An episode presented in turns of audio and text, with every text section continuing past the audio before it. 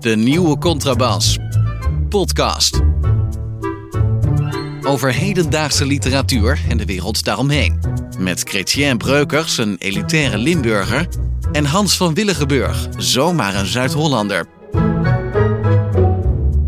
Jawel, daar zijn we weer. Eh, aflevering 18 alweer, gaat hard. Eh, ehm, over... eh, Zei je nou bi tegen mij? Of wat? ja, dat is uit een... eh, Jezus, ja. op, op de, de, de Simple P op hun pik getrapt. Dat ze zeiden IWY. IWY, leuk rubriekje. De 18e aflevering alweer. Gaat hard, hè, Bie.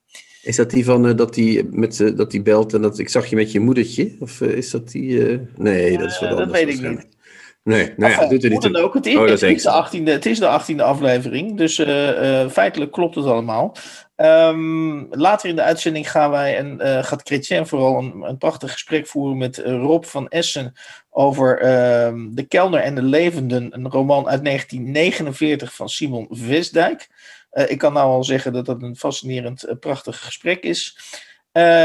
Maar we kunnen natuurlijk niet zomaar de Boekenweek overslaan, want die is natuurlijk keurig verplaatst van de, de corona maart naar de minder corona juni.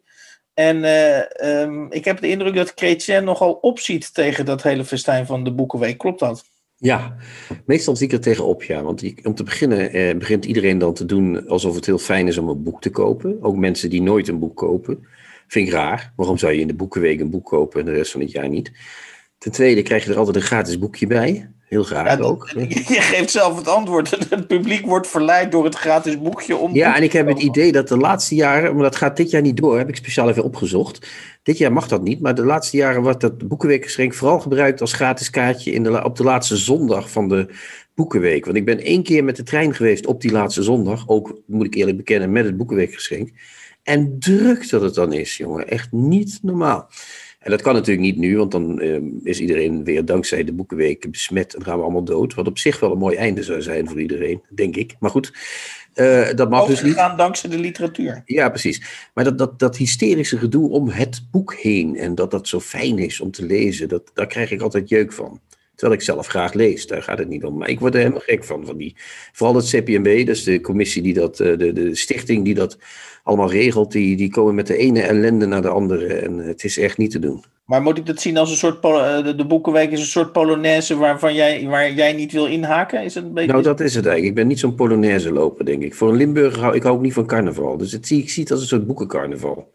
En dan denk ik, dat is toch meer iets voor andere mensen. En eigenlijk ook voor minderen, als ik eerlijk moet zijn. Ja. Goed, en, en, en zie, je er nog, zie, je er nog iets zie je er nog iets positiefs in? Of zeg je nee, laten we het maar hierbij houden? Het is verschrikkelijk. Eh, ik zie, nou ja, het positieve is dat elk verkocht boek, als het tenminste een fatsoenlijk boek is, dat is oké. Maar voor de rest kan ik het er weinig positiefs van maken, Hans. Laten we het hier maar eventjes, laten we dit ding maar even begraven gewoon. Ja. Tot zover de Boekenweek. Eh, dan eh, wilde ik graag iets met je doornemen. Eh, ik heb deze week iets opgestuurd gekregen. Ik geloof via de e-mail, maar ik krijg heel veel opgestuurd. Ik ben namelijk journalist, dus ik krijg heel veel persberichten. Maar ik kreeg een, een, eh, ehm, een, eh, een artikel opgestuurd met als titel... Nee tegen het dogma van de duur. Nou, dat is een redelijk mi- militante titel. Eh, dus eh, daar had hij me te pakken, degene die dat artikel had geschreven. En degene die dat artikel heeft geschreven is een Willem de Wolf. En hij schrijft voor het volgens mij in Vlaanderen geproduceerde blad Recto Verso. Het dogma van de. dus even kijken, nog maar nee tegen het dogma van de duur. En om maar gelijk even te citeren uit het artikel, uh, dan weten we gelijk waar we het over hebben. Sterker nog, ik vind eigenlijk alles de laatste tijd te lang duren romans, artikels, series. Ik vind tentoonstellingen te groot. Op biennales hangen veel te veel kunstwerken. De begeleidende teksten op de wanden zijn er veel te uitvoerig. Ik zie er meer en meer tegenop. Weer zo'n lab, weer die duur. Ik vraag alsmaar vaker bij kassa's hoe lang de voorstelling gaat duren. En ik heb het gevoel dat ik niet de enige ben. Want ik hoor steeds vaker de onrust, het gepuf en gesteun. Als het begint door te dringen dat we er straks weer 2,5 uur zitten. Zonder pauze.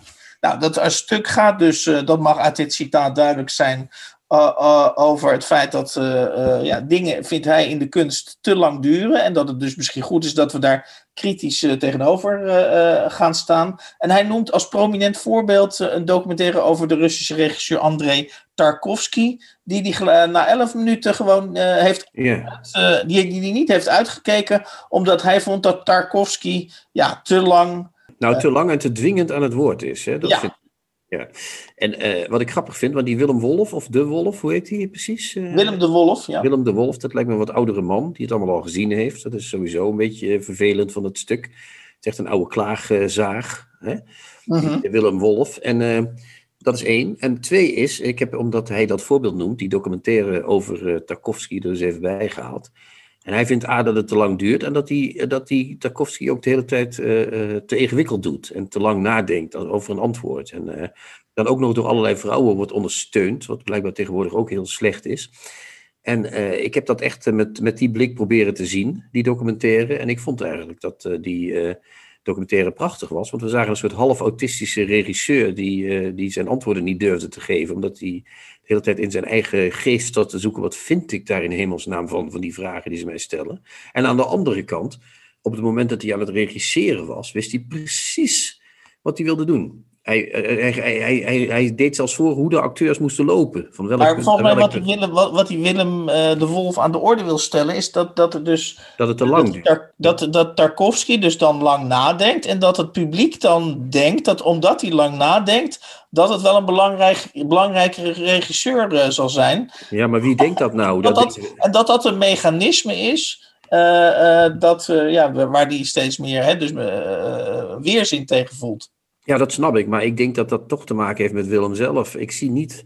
Ah, hij, beweert in dat, hij beweert in die passage dat hij niet de enige is die dat gevoel heeft. Maar, dat als hij drie vrienden heeft die dat ook vinden, dan is dat nog niet zo dat de hele wereld uh, meteen uh, op zijn achterste benen staat, toch? Of wel? Nee.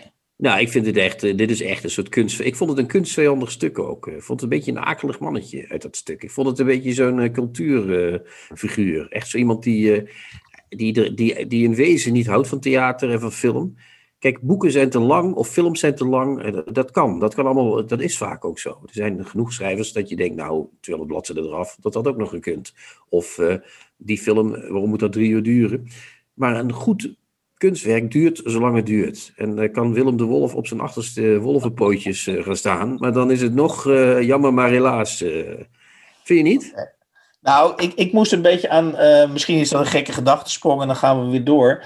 Uh, ik moest even aan Pieter Omtzigt denken. Kijk, oh. uh, wat, ik, wat ik natuurlijk heel veel in journalistieke interviews en zeker als in de politiek zien we gebeurt, is dat het vraag-antwoordspel volledig geautomatiseerd is. Dus, dus uh, eigenlijk de, de journalist draait iets af en, en, en, en de politicus draait zeg maar zijn verhaal af. En dat er dus eigenlijk helemaal niks gebeurt. En dat bijvoorbeeld Pieter Omtzigt is een van de weinige politici die, uh, ja, dan krijgt hij een vraag en dan denk je, ja, wat zou die hier nou eens op gaan zeggen? En die dus ook wel eens een, een paar seconden uh, of misschien vier, vijf seconden laat vallen tussen de vraag en het antwoord.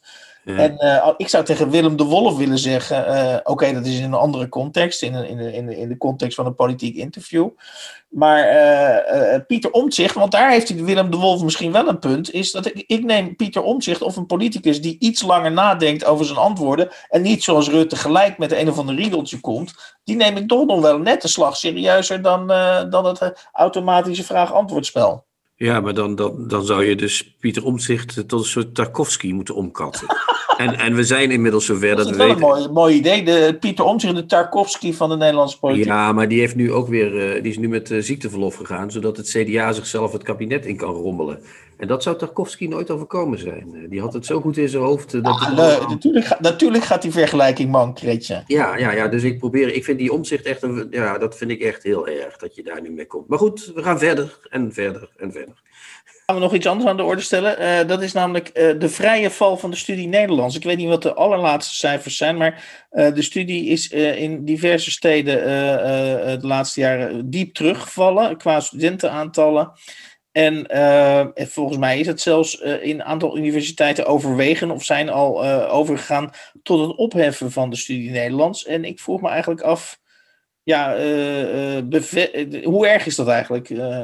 Nou, dat is wel vrij erg. Ja, dat is, kijk, eh, zoals er ook steeds minder lezers van literatuur zijn, zijn er nu dus ook steeds minder mensen die zich op academisch niveau met die, met, die, met die literatuur bezighouden. Dus dat betekent dat het hele vakgebied verschrompelt en verschaalt. Dat Ja. zou ik toch wel treurig willen, willen noemen.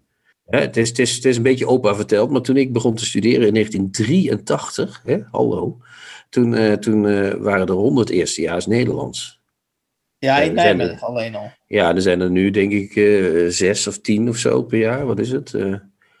Ja, alleen in Nijmegen precies. Dus eh, dat, het wordt steeds erger en schaliger. En want, eh, wie moet die literatuur nog bestuderen later die er is? Eh, is, is dat, kunnen we de zaak niet meteen beter helemaal opdoeken? ja, dat zou ik toch wel heel treurig vinden. Dan heb je je hele leven aan iets besteed, dan is het helaas Ja. opgegeven.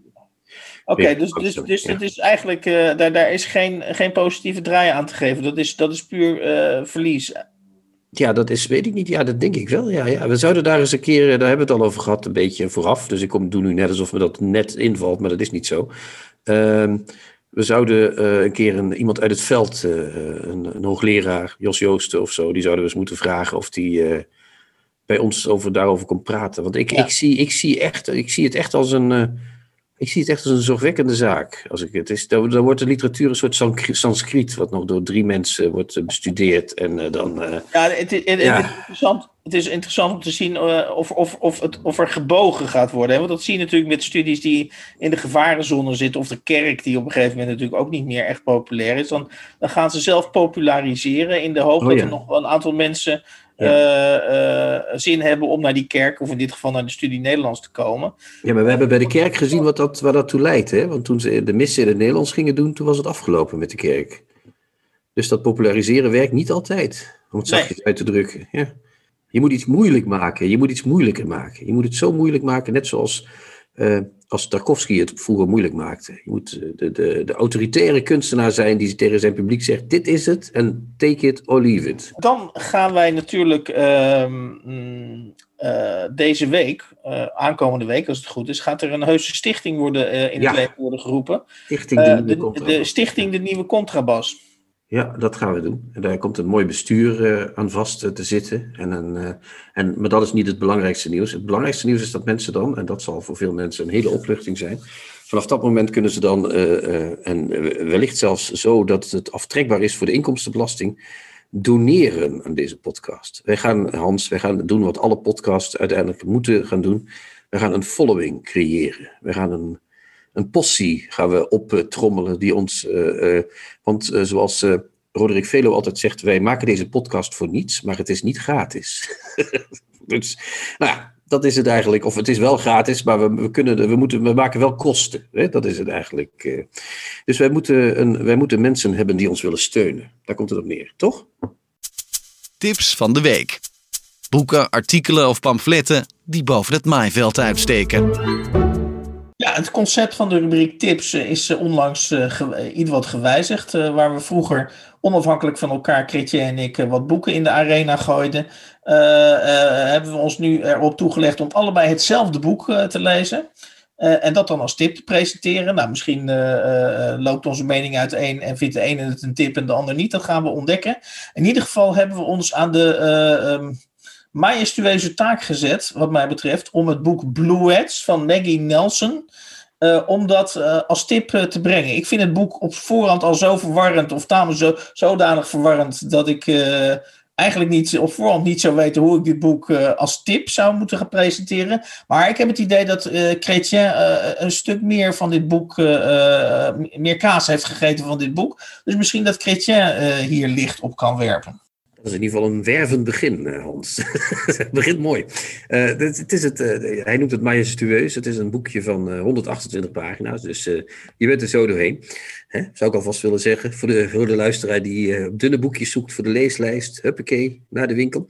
Ehm, het is een boek van Maggie Nelson inderdaad, uit 2009. Het is nu net vertaald in het Nederlands.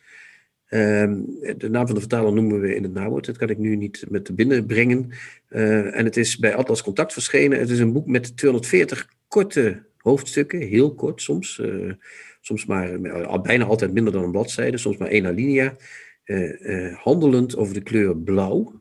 En in wezen daaronder handelend over het verlies van een relatie en de rouw daarover. Dat zou je in het kort, is dat het boek wat we voorhanden hebben, Hans. En, en wat wond je er eh, aan op? Uh, zodanig aan op dat je dacht, nou, misschien moeten we dit als tip gaan brengen. Ja, nou ja, dit, dit, mij, wat mij eraan op, ik vind haar een heel opwindende schrijver, Maggie Nelson. Dat vond ik al sinds ik The Argonauts, de Argonauten in het Nederlands van haar las. Dat is een boek wat later verschenen is, 2015. En daarin schrijft ze over een nieuwe relatie die ze krijgt. Dus ik denk dat het een autobiografische schrijver is ook.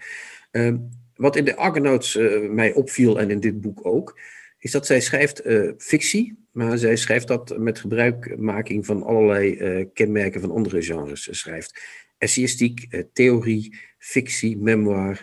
ze gooit alle genres in een, een blender, doet er een paar keer trrr, trrr met de machine en dan krijgen we die korte stukjes te, te zien. En die maken zulke, die, die stukjes die zijn kort dus inderdaad, en die zijn heel uh, ingehouden, want het gaat allemaal over de kleur blauw. Uh, hè. Normaal mens zou over rouw natuurlijk enorm uh, over de hoorn gaan, van oh, over Turks fruit gaan, hè, van oh, over de erg, Olga is dood.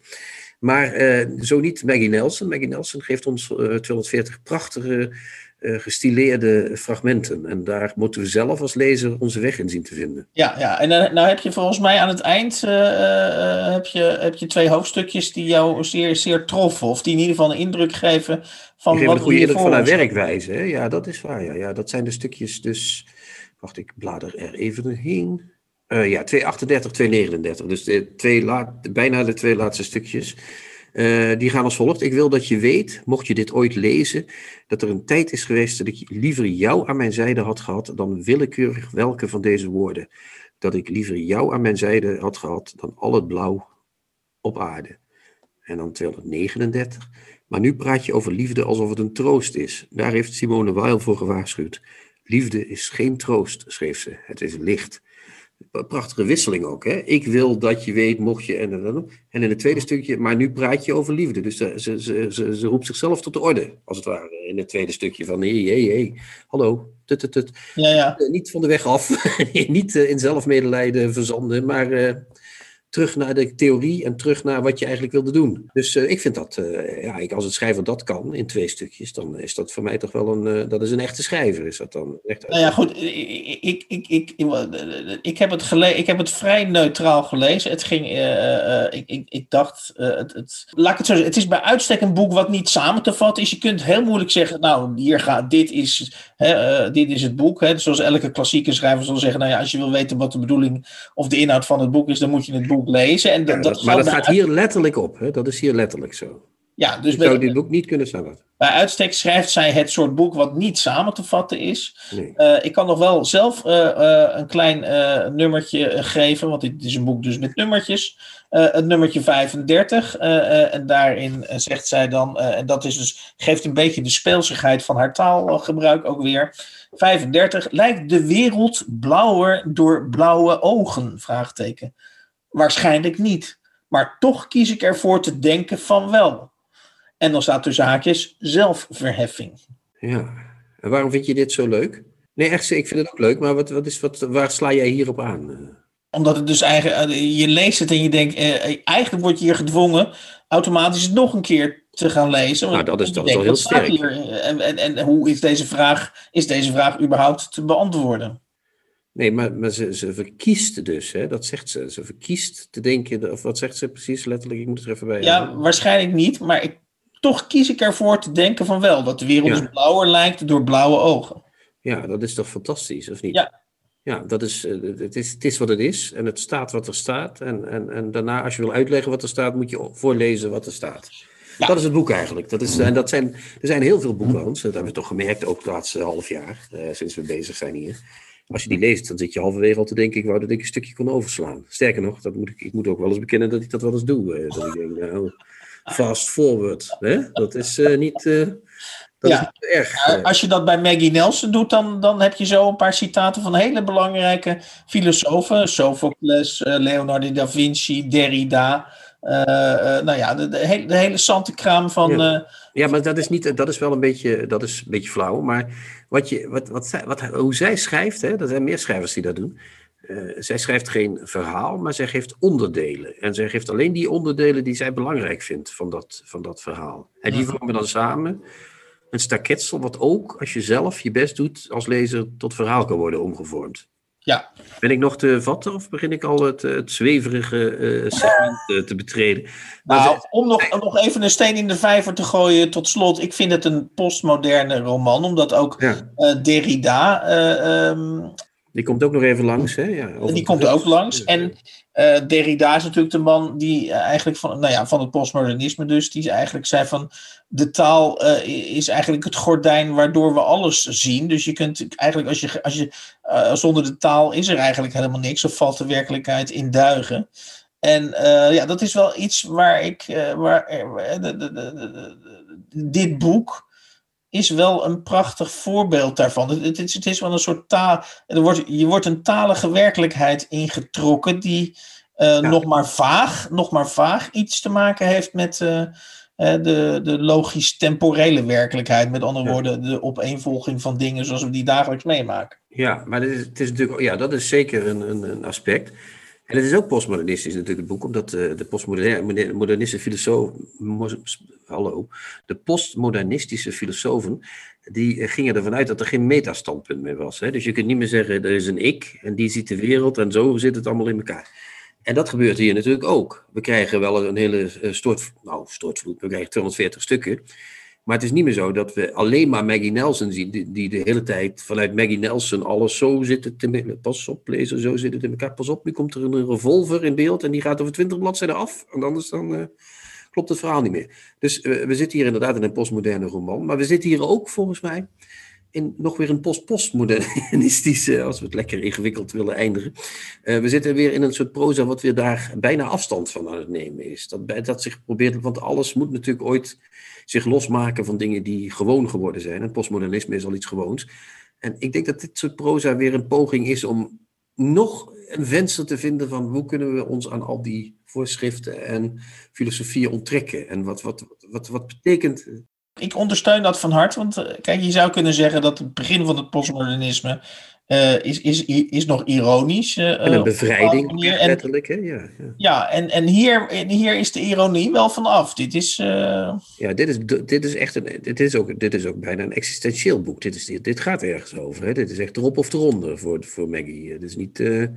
Dit is niet van, nou ja, die kleur blauw, het zal wel. Nee, dit is echt een hoogst belangrijke kwestie. En dat vind ik toch mooi, zo'n echte ernst in, ja. in, een auteur. Dat, dat bewonder ik ook. Ja, ja. Uh, nou, kortom, mensen, uh, uh, als je wat uitdaging zoekt en, en, je wilt een klein beetje achterkomen wat het postmodernisme is, of in de late fase van het postmodernisme, dan moet je misschien toch maar heel hard Bluets gaan lezen. En alle andere boeken van Maggie Nelson.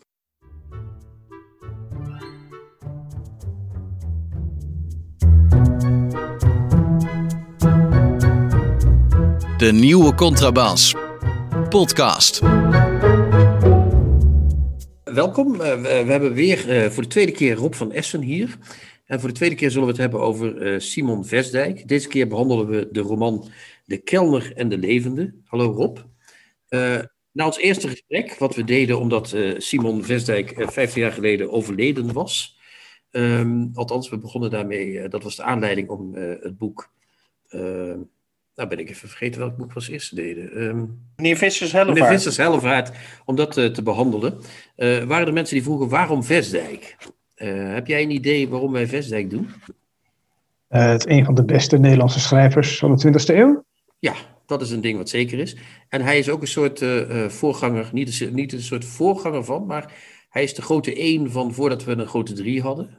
omdat er toen alle andere kandidaten voor de toenmalige grote drie in de oorlog gestorven zijn. Uh, Duperon, De Braak, Marsman, alles en iedereen ging dood.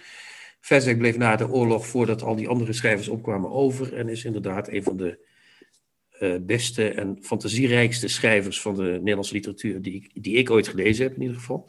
Ik heb ze natuurlijk niet allemaal gelezen. En De Kelner en de Levende, Rob, dat is wel een heel uh, fantasievol geval, geloof ja, ik. Ja, precies. Als je een fantasierijk Uit 1949. Is, ja, en voor een deel geschreven in de oorlog. Uh, kort, nou, wat, wat, wat, wat ja. hè? want ik zeg fantasierijk.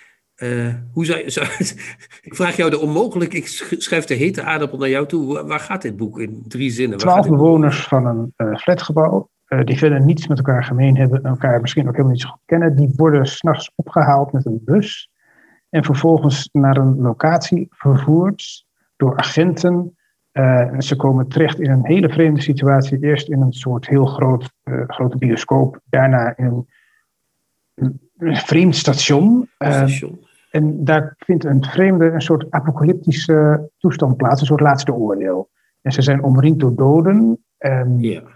en zij worden, ja, zij worden beoordeeld. Zij oordelen zichzelf. er is de kelner. Die een soort Christusfiguur is die ze mm -hmm. uiteindelijk helpt. Um, ja, hoe vat je zo'n boek samen, Christian? Ja, ja, ik vind dit al een hele goede. Dit, dit is een samenvatting. Dit is namelijk precies wat er gebeurt.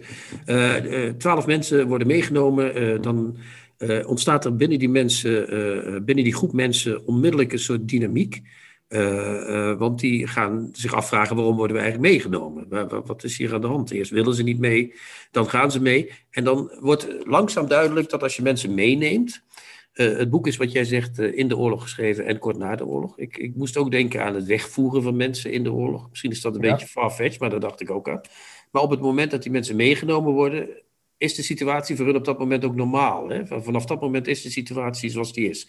Dan gaan ze zich langzaam ja. schikken en dan gaan ze zeggen: waarom zijn we hier? En dan komen ze erachter dat ze om, omgeven zijn door doden. Dan zeggen ze, wat gek, wij leven nog. Dus wat is hier aan de hand? Waarom zijn wij als... Enzovoort, enzovoort. Dus iedere keer wordt er weer een stap genomen in die bizarre toestand waarin ze meegaan. En dat is ook dat... dat op een gegeven moment zeggen ze, ja, het is een laatste oordeel, maar hoe gaat dat dan? dus het is niet eens meer de vraag, moet het wel een laatste oordeel zijn, maar hoe gaan we, dit over, hoe gaan we hier doorheen komen, et cetera. Ja, en er is een van die twaalf is een ge, ge, gepensioneerd dominee en die wordt dan ook de andere gevraagd, ja, dominee, het laatste oordeel, hoe zit dat dan? Ja. Anderen blijven heel lang geloven dat het een soort vreemde reclamestunt is van het bioscoopbedrijf. Ja. Tegen beter weten in natuurlijk. Ja, klopt ja. En, en, en die, die dominee trouwens, want ik weet dat jij ooit uh, uh, lange tijd lid uh, geweest bent van een bijbelleesgenootschap, of hoe heet dat? Van een bijbelleesgroep, sorry. Ja. Um, en um, die, discussie, die, heeft een hele, die voert discussies, hè? want die heeft ook mensen die daar schik in hebben in dat boek om met die dominee te, te discussiëren over het laatste oordeel. Uh, hoe heb jij die gelezen? Zie jij dat als. Uh, uh, ik heb dat zelf als een soort halve ironische discussies gezien van Vestdijk. Ja, Vestdijk beschrijft natuurlijk dit, dit hele spel met een zekere ironie, ironische afstand. Um, maar alles wat die dominee zegt, ja, dat is allemaal wel geworteld in de schrift. En ik kon dat allemaal wel redelijk thuisbrengen. Ik vraag me ook af hoe lezers die niet, geen religieuze opvoeding hebben gehad, die kijken daar misschien een beetje met klapperende oren naar. Dat zou mm. natuurlijk goed kunnen. Um, zoals we nu over het boek hebben, lijkt het net of het een, uh, een boek is met veel theoretische verhandelingen en conversaties. En dat is het natuurlijk ook, maar het is, echt, het is ook fantasy. Yeah. We komen echt yeah. in een hele vreemde wereld terecht. Uh, met liften die verticaal en horizontaal kunnen gaan, bijvoorbeeld. Yeah. Dus soms is het echt een soort Harry Potter-achtig station waar ze in terechtkomen. Ja. En dus, uh, ze kunnen door de spleten in de vloer zien ze het heelal en een sterrenhemel. Je ziet, je ziet echt die verfilming al voor je. Ja, het is een soort, uh, soort David Lynch ook. Hè? Dus daar moest ik ook aan ja. denken steeds. Ja. ja. Je weet niet ja. waar het over gaat, maar het gaat wel ergens over. Ja, het, pas, pas, pas achteraf, als ze er weer een beetje uitkomen, dan, dan, dan komt de moraal van het verhaal. Dus, kijk, het is een hele wonderlijke roman, maar natuurlijk een hele moralistische roman. Dus er worden twaalf mensen worden getest, die worden verwacht dat ze het leven verlogen op een gegeven moment. Dat doen ja. ze niet. Het is een soort christelijk existentialistische roman. En twaalf Eigenlijk. apostelen ook, hè? Of ja. ik dan, ja, dat moet toch ook wel een verwijzing zijn? Twaalf sterrenbeelden, twaalf apostelen. Ja. Ja. De symboliek ligt er heel dik bovenop. En, en de moraal eigenlijk ook. En toch is Vestdijk erin geslaagd om een heel meeslepend en bij uh, tijden ook ironische roman van te maken. Dat, ja. dat is echt heel knap. Ja, want ik vond het... Uh, we hebben uh, die, die, de, de, de, dit is echt een boek vind ik, wat zo goed geschreven is dat het echt. Ik kon bijna. Ik, in het begin begon ik met zinnen te citeren die, uh, die, uh, die ik, wilde, uh, hè, dat ik, die ik wilde voorlezen of onthouden. Maar dat is niet te doen in dit boek. Nee, ook niet omdat die zinnen heel lang zijn vaak. Ja, dat maar ook. Is, maar die beelden, is echt, soms is het echt Breugel en Jeroen Bos. Ja. dat, is, dat is echt prachtig gedaan. En, en er is eigenlijk niemand die zo schrijft als hij. Zeker nee, op dat moment niet. Nee. nee, nee, nu nog niet, denk ik eerlijk gezegd. bijna niet. Weten jullie iets van hoe, hoe die roman destijds is ontvangen? Want er wordt natuurlijk heel vaak, zie je nu verwijzingen naar bijvoorbeeld hoe de vijftigers destijds worden ontvangen. En, en dan, dan stijgt er altijd een enorme spruitjesgeur uit die, uit die recensies op. Uh, in de zin van, nou ja, erg ruimdenkend waren ze toen niet. Maar ik begrijp van Rob dat het een heel moralistische roman is. Dus hoe, is er iets bekend over hoe die roman ontvangen is? Stond iedereen erbij te juichen?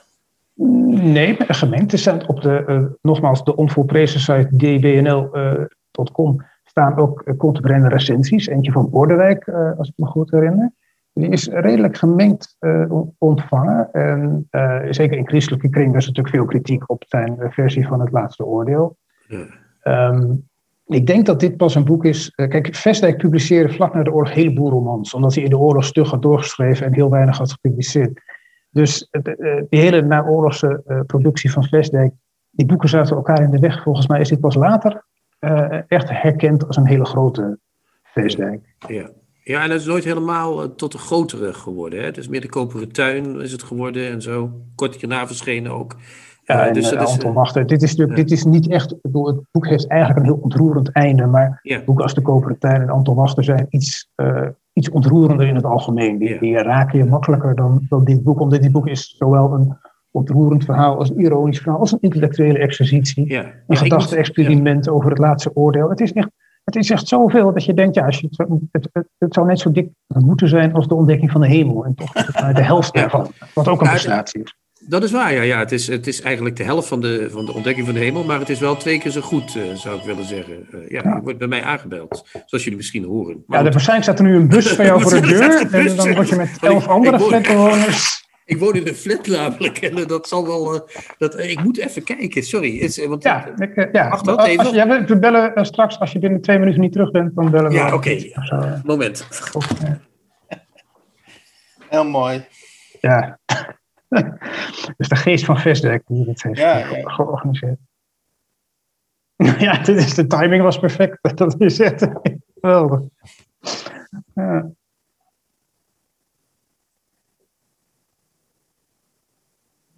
Ja. Ik moet gaan, sorry. ja. Ze zeiden dat het niet anders kon. Maar uh, uh, ja, waar waren we? Oh ja, nou je had natuurlijk in, de, in, in die naoorlogse jaren had je ook nog, uh, Hans vroeg net over die ontvangst. Je had de christelijke je had toen nog verzuilde literatuurkritiek. Je had de christelijke literatuurkritiek, die vond het natuurlijk vervelend dat die laatste oordeelpassages.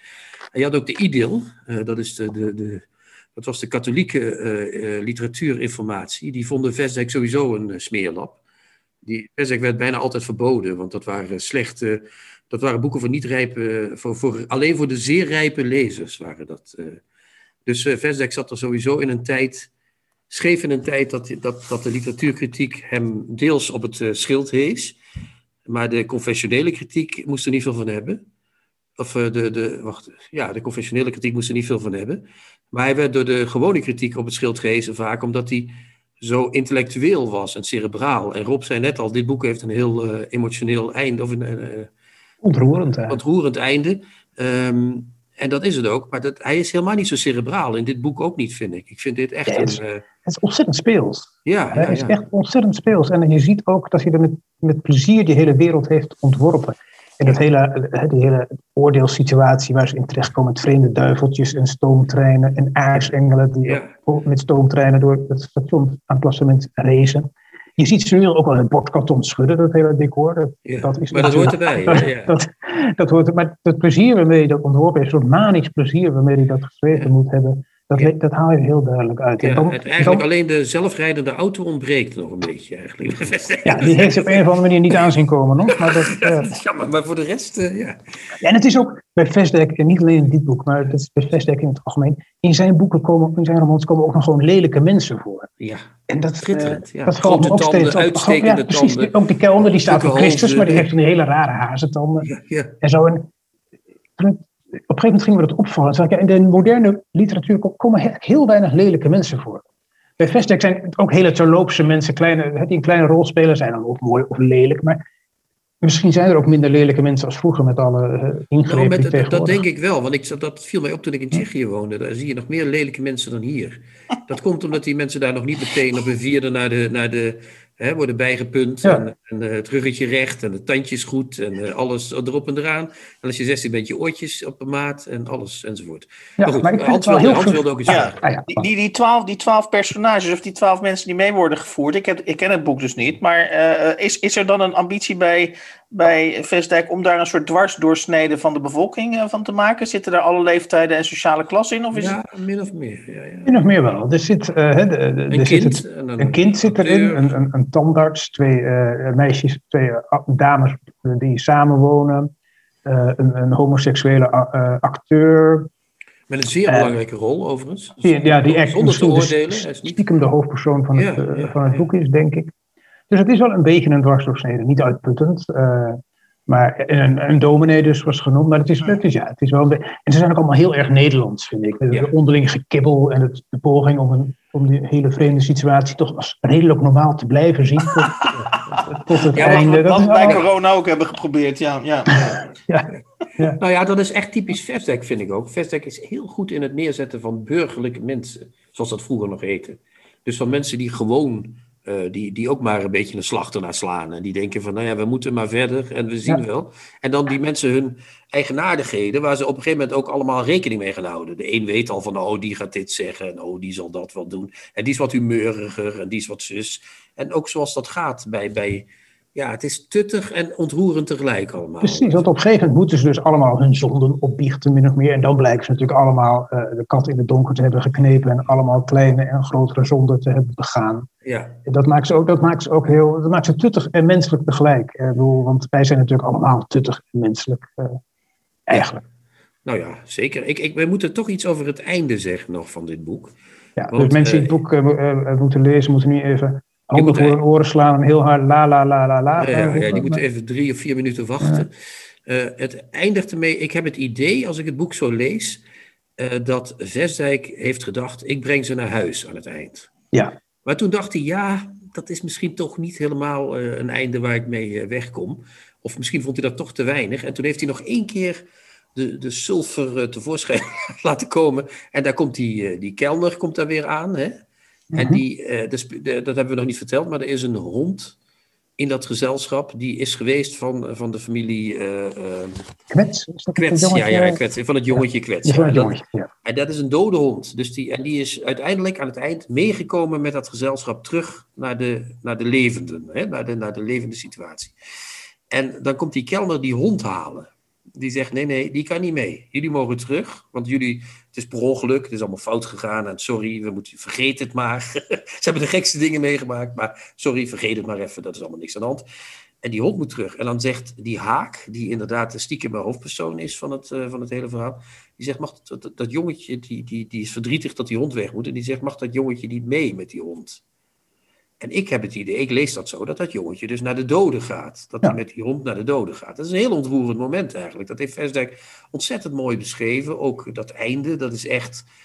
Dat is, er- dat is een, eh, hè, zoals zij over de avonden zijn, zeldzaam navrant slot. Is dat, eh, eh, Ja. eh, en eh, hoe heb jij dat gelezen? Ik vond dat echt een, een gouden vondst, vond ik dat. eh. Ja, dat- ik, dit is de derde keer dat ik het boek las. Ja. Het raakte mij weer heel erg. Dat jongetje is ziekelijk en heeft hele vervelende ouders. Dus je gunt hem ook dat hij met zijn hond Met naar het hiernamaals, eh, hiernamaals mag. Het Ja. einde is sowieso navrant. Want die twaalf personages die hebben dus een hele loutering meegemaakt. Eh, en daar- daar schamen ze zich een beetje voor als ze weer in het land van de levenden terugkeren. Ja, En dan eh, op het eind, als die kelner dan weer uit het niets verschijnt, die zegt dan ook van. Eigenlijk dat morgen weten jullie niet meer wat er is gebeurd. ja, Dus die hele loutering is eigenlijk ook nog voor niets geweest. Want ze, ze hebben daar niets aan voor de rest van hun leven. En dat is, eigenlijk is dat ook voor hun een bevredigend einde, want ze zijn een beetje geschrokken van wat ze hebben meegemaakt. Dus de enige met wie iets echt gebeurt, is dat jongetje. Dat gaat namelijk naar het dodenrijk om, Ja, om of- samen met zijn hond te kunnen zijn. ja, of is die hele loutering in scène gezet om de dood van dat jongetje goed te maken? Dat kan ook nog. Het, eh, je zou kunnen zeggen, het boek gaat eigenlijk over de dood van het jongetje. Het een, ja. ziekelijk jongetje dat op een nacht sterft. En daar is het hele verhaal omheen gepakt. Misschien is het een hallucinatie van het, van het, van het jongetje. We weten het niet en Nee. kan het ons niet meer vertellen. Dus, Nee. ja. Nou ja, het is dus een, een boek eh, wat ik. eh, eh, ehm, ja, het is, het, dit- vind ik echt nog een beter boek dan, dan, dan waar ik. dan, dan ben ik weer. Meester Visser. Dan meneer, dan meester Meneer Vissers Visser, ja. Hellevaart. Meneer Vissers Hellevaart. Ja, dit, Ja. dit vind ik. Hier is Versdijk echt op stoom, vind ik. Vind je niet? Dit Ja. is echt zijn. zijn, zijn. Zijn, zijn hier is hij op zijn sterkst. In Ja, hij, hij, Visser viel uit in twee delen. En dat laatste deel dat sleepte wel een beetje met die hallucinatie van 40 pagina's. Hier, heeft hij echt, hier werkt hij echt naar een sterk einde toe. En dat is met zo'n boek, eh, is dat echt een hele tour de force geweest. Want je verzint zo'n fantasywereld. En dan moet je ze weer terugbrengen naar het leven. En die hele thuisreis is ook heel hallucinant. En dan komen ze met die, met die laatste en het hondje. Ik vind het echt heel knap gedaan. Dat hij, dat hij er zo'n echt zo, een redelijk magistraal einde aan kan, aan, kan breien zo'n verhaal. Tommy. Chrétien reageert op de nieuwste schrijfsels van succesauteur Tommy Wieringa. Ja, de, de, de rubriek Tommy hangt aan een zijde draadje. Dat mag je gerust weten. Uh, uh, buiten de uitzending heb ik heel wat. Uh, heb ik, is Tommy ook een, een, Niet alleen in de uitzending, maar ook buiten de uitzending is Tommy een veelbesproken figuur. En, ja, mag ik trouwens een Tommy-anekdote vertellen? Nu, want het hangt aan een zijde draadje, de, de rubriek. Ik ben Tommy Moe. maar ik kwam laatst bij een vriend van mij en die had een boek van Jozef Rood gekocht. En daar stond een voorwoord in van Tommy. Tommy Wieringa. En die zei tegen mij, door jouw rubriek kan ik het niet meer lezen, zijn proza. En dat vond ik fantastisch, want ik dacht, ja, kijk, A, heb ik dan in ieder geval goed werk verricht. Ik heb één iemand de proza van Tommy uh, onmogelijk gemaakt. Dat is, uh, mocht ik later uh, sterven, kan ik dat op mijn sterfbed toch nog altijd het wapenfeit tevoorschijn toveren. En ten tweede heeft me dat toch wel weer een beetje de motivatie gegeven om door te gaan. Om, om, om toch af en toe voor, voor, mijn kleine, maar misschien groeiende publiek. Want als ik nu twee lezers tegenmaak, dan heb ik al een, stijg ik al 100% natuurlijk. Hè? Dus dan, dan is het al. Uh... Ik heb jou ook al een keer overgehaald met iets. Ik weet niet meer wat het precies ja, Oh ja, met, met de podcast van, van ja. Natuurlijk. Ja, ja, ja, dat was fantastisch. Ja. Ja, maar goed, dus uh, we gaan het proberen. We hebben, ik heb een, uh, mag ik al? Of, ja. Ja, sorry, we zit, ik zit wel overal doorheen te wandelen, maar dat is... wel, ik had een, de column van vandaag. Hè, we, we, we, nemen op op 29 mei 2021 op zaterdag. En zaterdag begint voor mij altijd met twee columns. Ik lees altijd de column van Tommy en de column van Joep van het Hek. En over een tijd, moet ik zeggen, trouwens, ik zag vandaag het nieuws. Clarence Seedorf wordt uh, columnist uh, van, van de NRC. Dat lijkt me ook fantastisch. dat, is, dat lijkt me echt, maar goed, dat is niet echt voor een rubriek, denk ik. Um, maar, nou, weet ik niet hoor. Weet ik niet. Ik bedoel, Cla ik denk... Clarence ging, ging schrijven over de, de, de enorme, het leed dat hem en zijn mensen is aangedaan. En, en over, over zijn gang door het goede. Terwijl ik denk, ja, Jezus Christus, daar gaan we weer. Uh, een man met, die altijd alle kansen heeft gehad en overal alles heeft mogen doen. En dan ook nog uh, daarna een half jaar coach bij AC Milan ja. mag worden, omdat okay, hij daar Tommy, heeft. Tommy. Tommy, ja, we moeten Clarence even laten rusten, hoe interessant het ook is. Uh, Tommy is bij de mensen thuis in deze column. Maar daar is een aanleiding voor. Hij is fysiek bij de mensen thuis. Ja, Tommy gaat uh, naar mensen toe. Dat is hij. Ook, Tommy, ook een Tommy moet af en toe bij gewone mensen aan zijn. En hij biedt zichzelf aan. Dat weet ik nog niet. Maar nee, dat niet. Nee, ik zal het, ik zal het begin van de column van vandaag eens eventjes uh, voorlezen. De dag van de spectaculaire Shell-uitspraak, dus dat is de uitspraak dat Shell uh, het milieu netjes moet behandelen, begon bij een boer in Maarsen. Dat is een streekroman, Hans. Ik was op zijn erf voor televisieopnames, maar eerst koffie. Want ook Tommy moet drinken, tenslotte. Hè? Hij, had een, hij had een opfokbedrijf voor koekalveren. In zijn stallen brachten zijn jeugd min of meer onbekommerd door. Er werden nog geen productie-eisen aangesteld. Zodra ze groot genoeg waren, gingen ze terug naar de oorspronkelijke eigenaar en begonnen hun leven als vet- en eiwitleverancier. Er waren valse types bij, zei de boer. Echte rotbeesten, maar ook hele lieve, die zich aan je hechten. Kijk, dat is toch prachtig al, hè? Tommy die meteen zo'n hele... Ja, het is echt een streekroman, hè? Hij zet het helemaal neer. Een boer in Maassen. Dat is heel ver weg. Dat is zeker 15 kilometer van het huis van Tommy vandaan. Maassen, denk ik, 20 misschien. En daar is Tommy helemaal heen gegaan. En die man die staat daar. En die heeft allemaal. Die, die, die, ja, wat, wat dat is, weet ik ook niet. Een opfokboer. Maar goed, die bestaan dus blijkbaar. En, en dat verbindt hij dan met het klimaat. Hè? Want Shell, dat, dat, dat, dat, dat is veel goed. Van, ja, maar hij roept. In dit geval moet ik Tommy een klein beetje verdedigen. Want hij roept hier natuurlijk wel een stemmig beeld op. Ja, stemmige beelden, Hans, daar hebben we er nou wel genoeg van, zo langzamerhand. Vind je niet? Hè? Na Maggie Nelson hoeven we niet meer over naar de stemmige uh, uh, beelden. Uh. Hij trapt hier op een, op, een, op een pedaal, inderdaad, van vroeger was alles beter. Vroeger was het nog leuk, inderdaad. En hij moet er ook nog even bij zetten dat hij voor televisie opnam. Ja, dat was, hij was niet zomaar bij die boer. Die, die, kijk, die boer in Maasen, die doet niks anders dan een soort concentratiekamp voor uh, koeien uh, uitbaten. Maar Tommy, die komt voor televisieopnames. En die komt daar dan vertellen hoe het in elkaar zit. Nee, Hans, sorry hoor, maar uh, het is een orgel. Maar het is wel een orgel met een hele lekke windzak, vind ik inmiddels. wat we hier te horen krijgen. Oké, okay, maar het, en het eind, hoe, hoe gaat het verder? Nou, daar komt weer een hele onafvolbare Tommy-achtige broem, broem, broem over het, over het milieu en over, over het klimaat. En dat het allemaal zo belangrijk is. En ik zal niet ontkennen dat dat zo is. En de Rabobank krijgt er nog een beetje van langs. Ach, je kent het wel, hè? Tommy gaat zo'n beetje langs alle. Net zoals het orgel, hij speelt een paar toonladdertjes over het milieu. En dan eindigt hij, uh, dan heeft hij ook dat de Rabobank niet meer zo populair is. Babbel de babbel de babbel. En dan, uh, uh, dan eindigt hij met, ook bij Shell klinkt het argument dat als zij de olie niet oppompen, anderen het zullen doen. Je kunt beter zaken doen met de duivel die je kent dan met de duivel die je niet kent. Met andere woorden, een drogredenering. Het is onbewezen dat de ander onvermijdelijk de ruimte inneemt die jij achterlaat. En dat die fictieve ander zich misschien nog erger misdraagt dan jij, ontslaat Rabobank en Shell niet van verantwoordelijkheid voor het eigen handelen. Gelukkig hebben we rechters die ze terechtwijzen als ze zich daar niet naar gedragen. Kijk, nu krijgen we de echte. Eerst hebben we de streekroman en nu krijgen we Theo Thijssen, de, de, de, de gelukkige scholier, eh, krijgen we nu eh, langs. Van, van, vooral die zin vind ik fantastisch. Het is onbewezen dat de ander onvermijdelijk de ruimte inneemt die jij achterlaat. Nou, als er iets in de geschiedenis, Hans, bewezen is, is het dat als jij ruimte inlaat, hele hordes staan klaar om die ruimte in te nemen voor jou. En onmiddellijk uh, de resten van je op te vreten en, uh, en daar ja. uh, dat door hun darmen te jagen. Nee, echt, ik vind het van een. Van een ook dit is een heel mottig orgel. Het is, het is allemaal net. Kijk, Tommy het zakt echt door de ondergrens heen. Dit is, niet, dit is voor ons ook niet leuk meer, Hans. Dit is voor niemand leuk. Daar moeten we echt mee gaan. Dit, dit, dit moet, ik wil Tommy oproepen, verdapper je. Ga, ga, doe beter. Dit, dit, dit, dit is voor ons. Wat, hoe moeten we deze rubriek volhouden als dit zo doorgaat, Hans?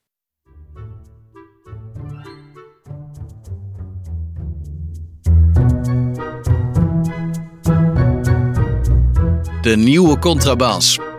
Podcast.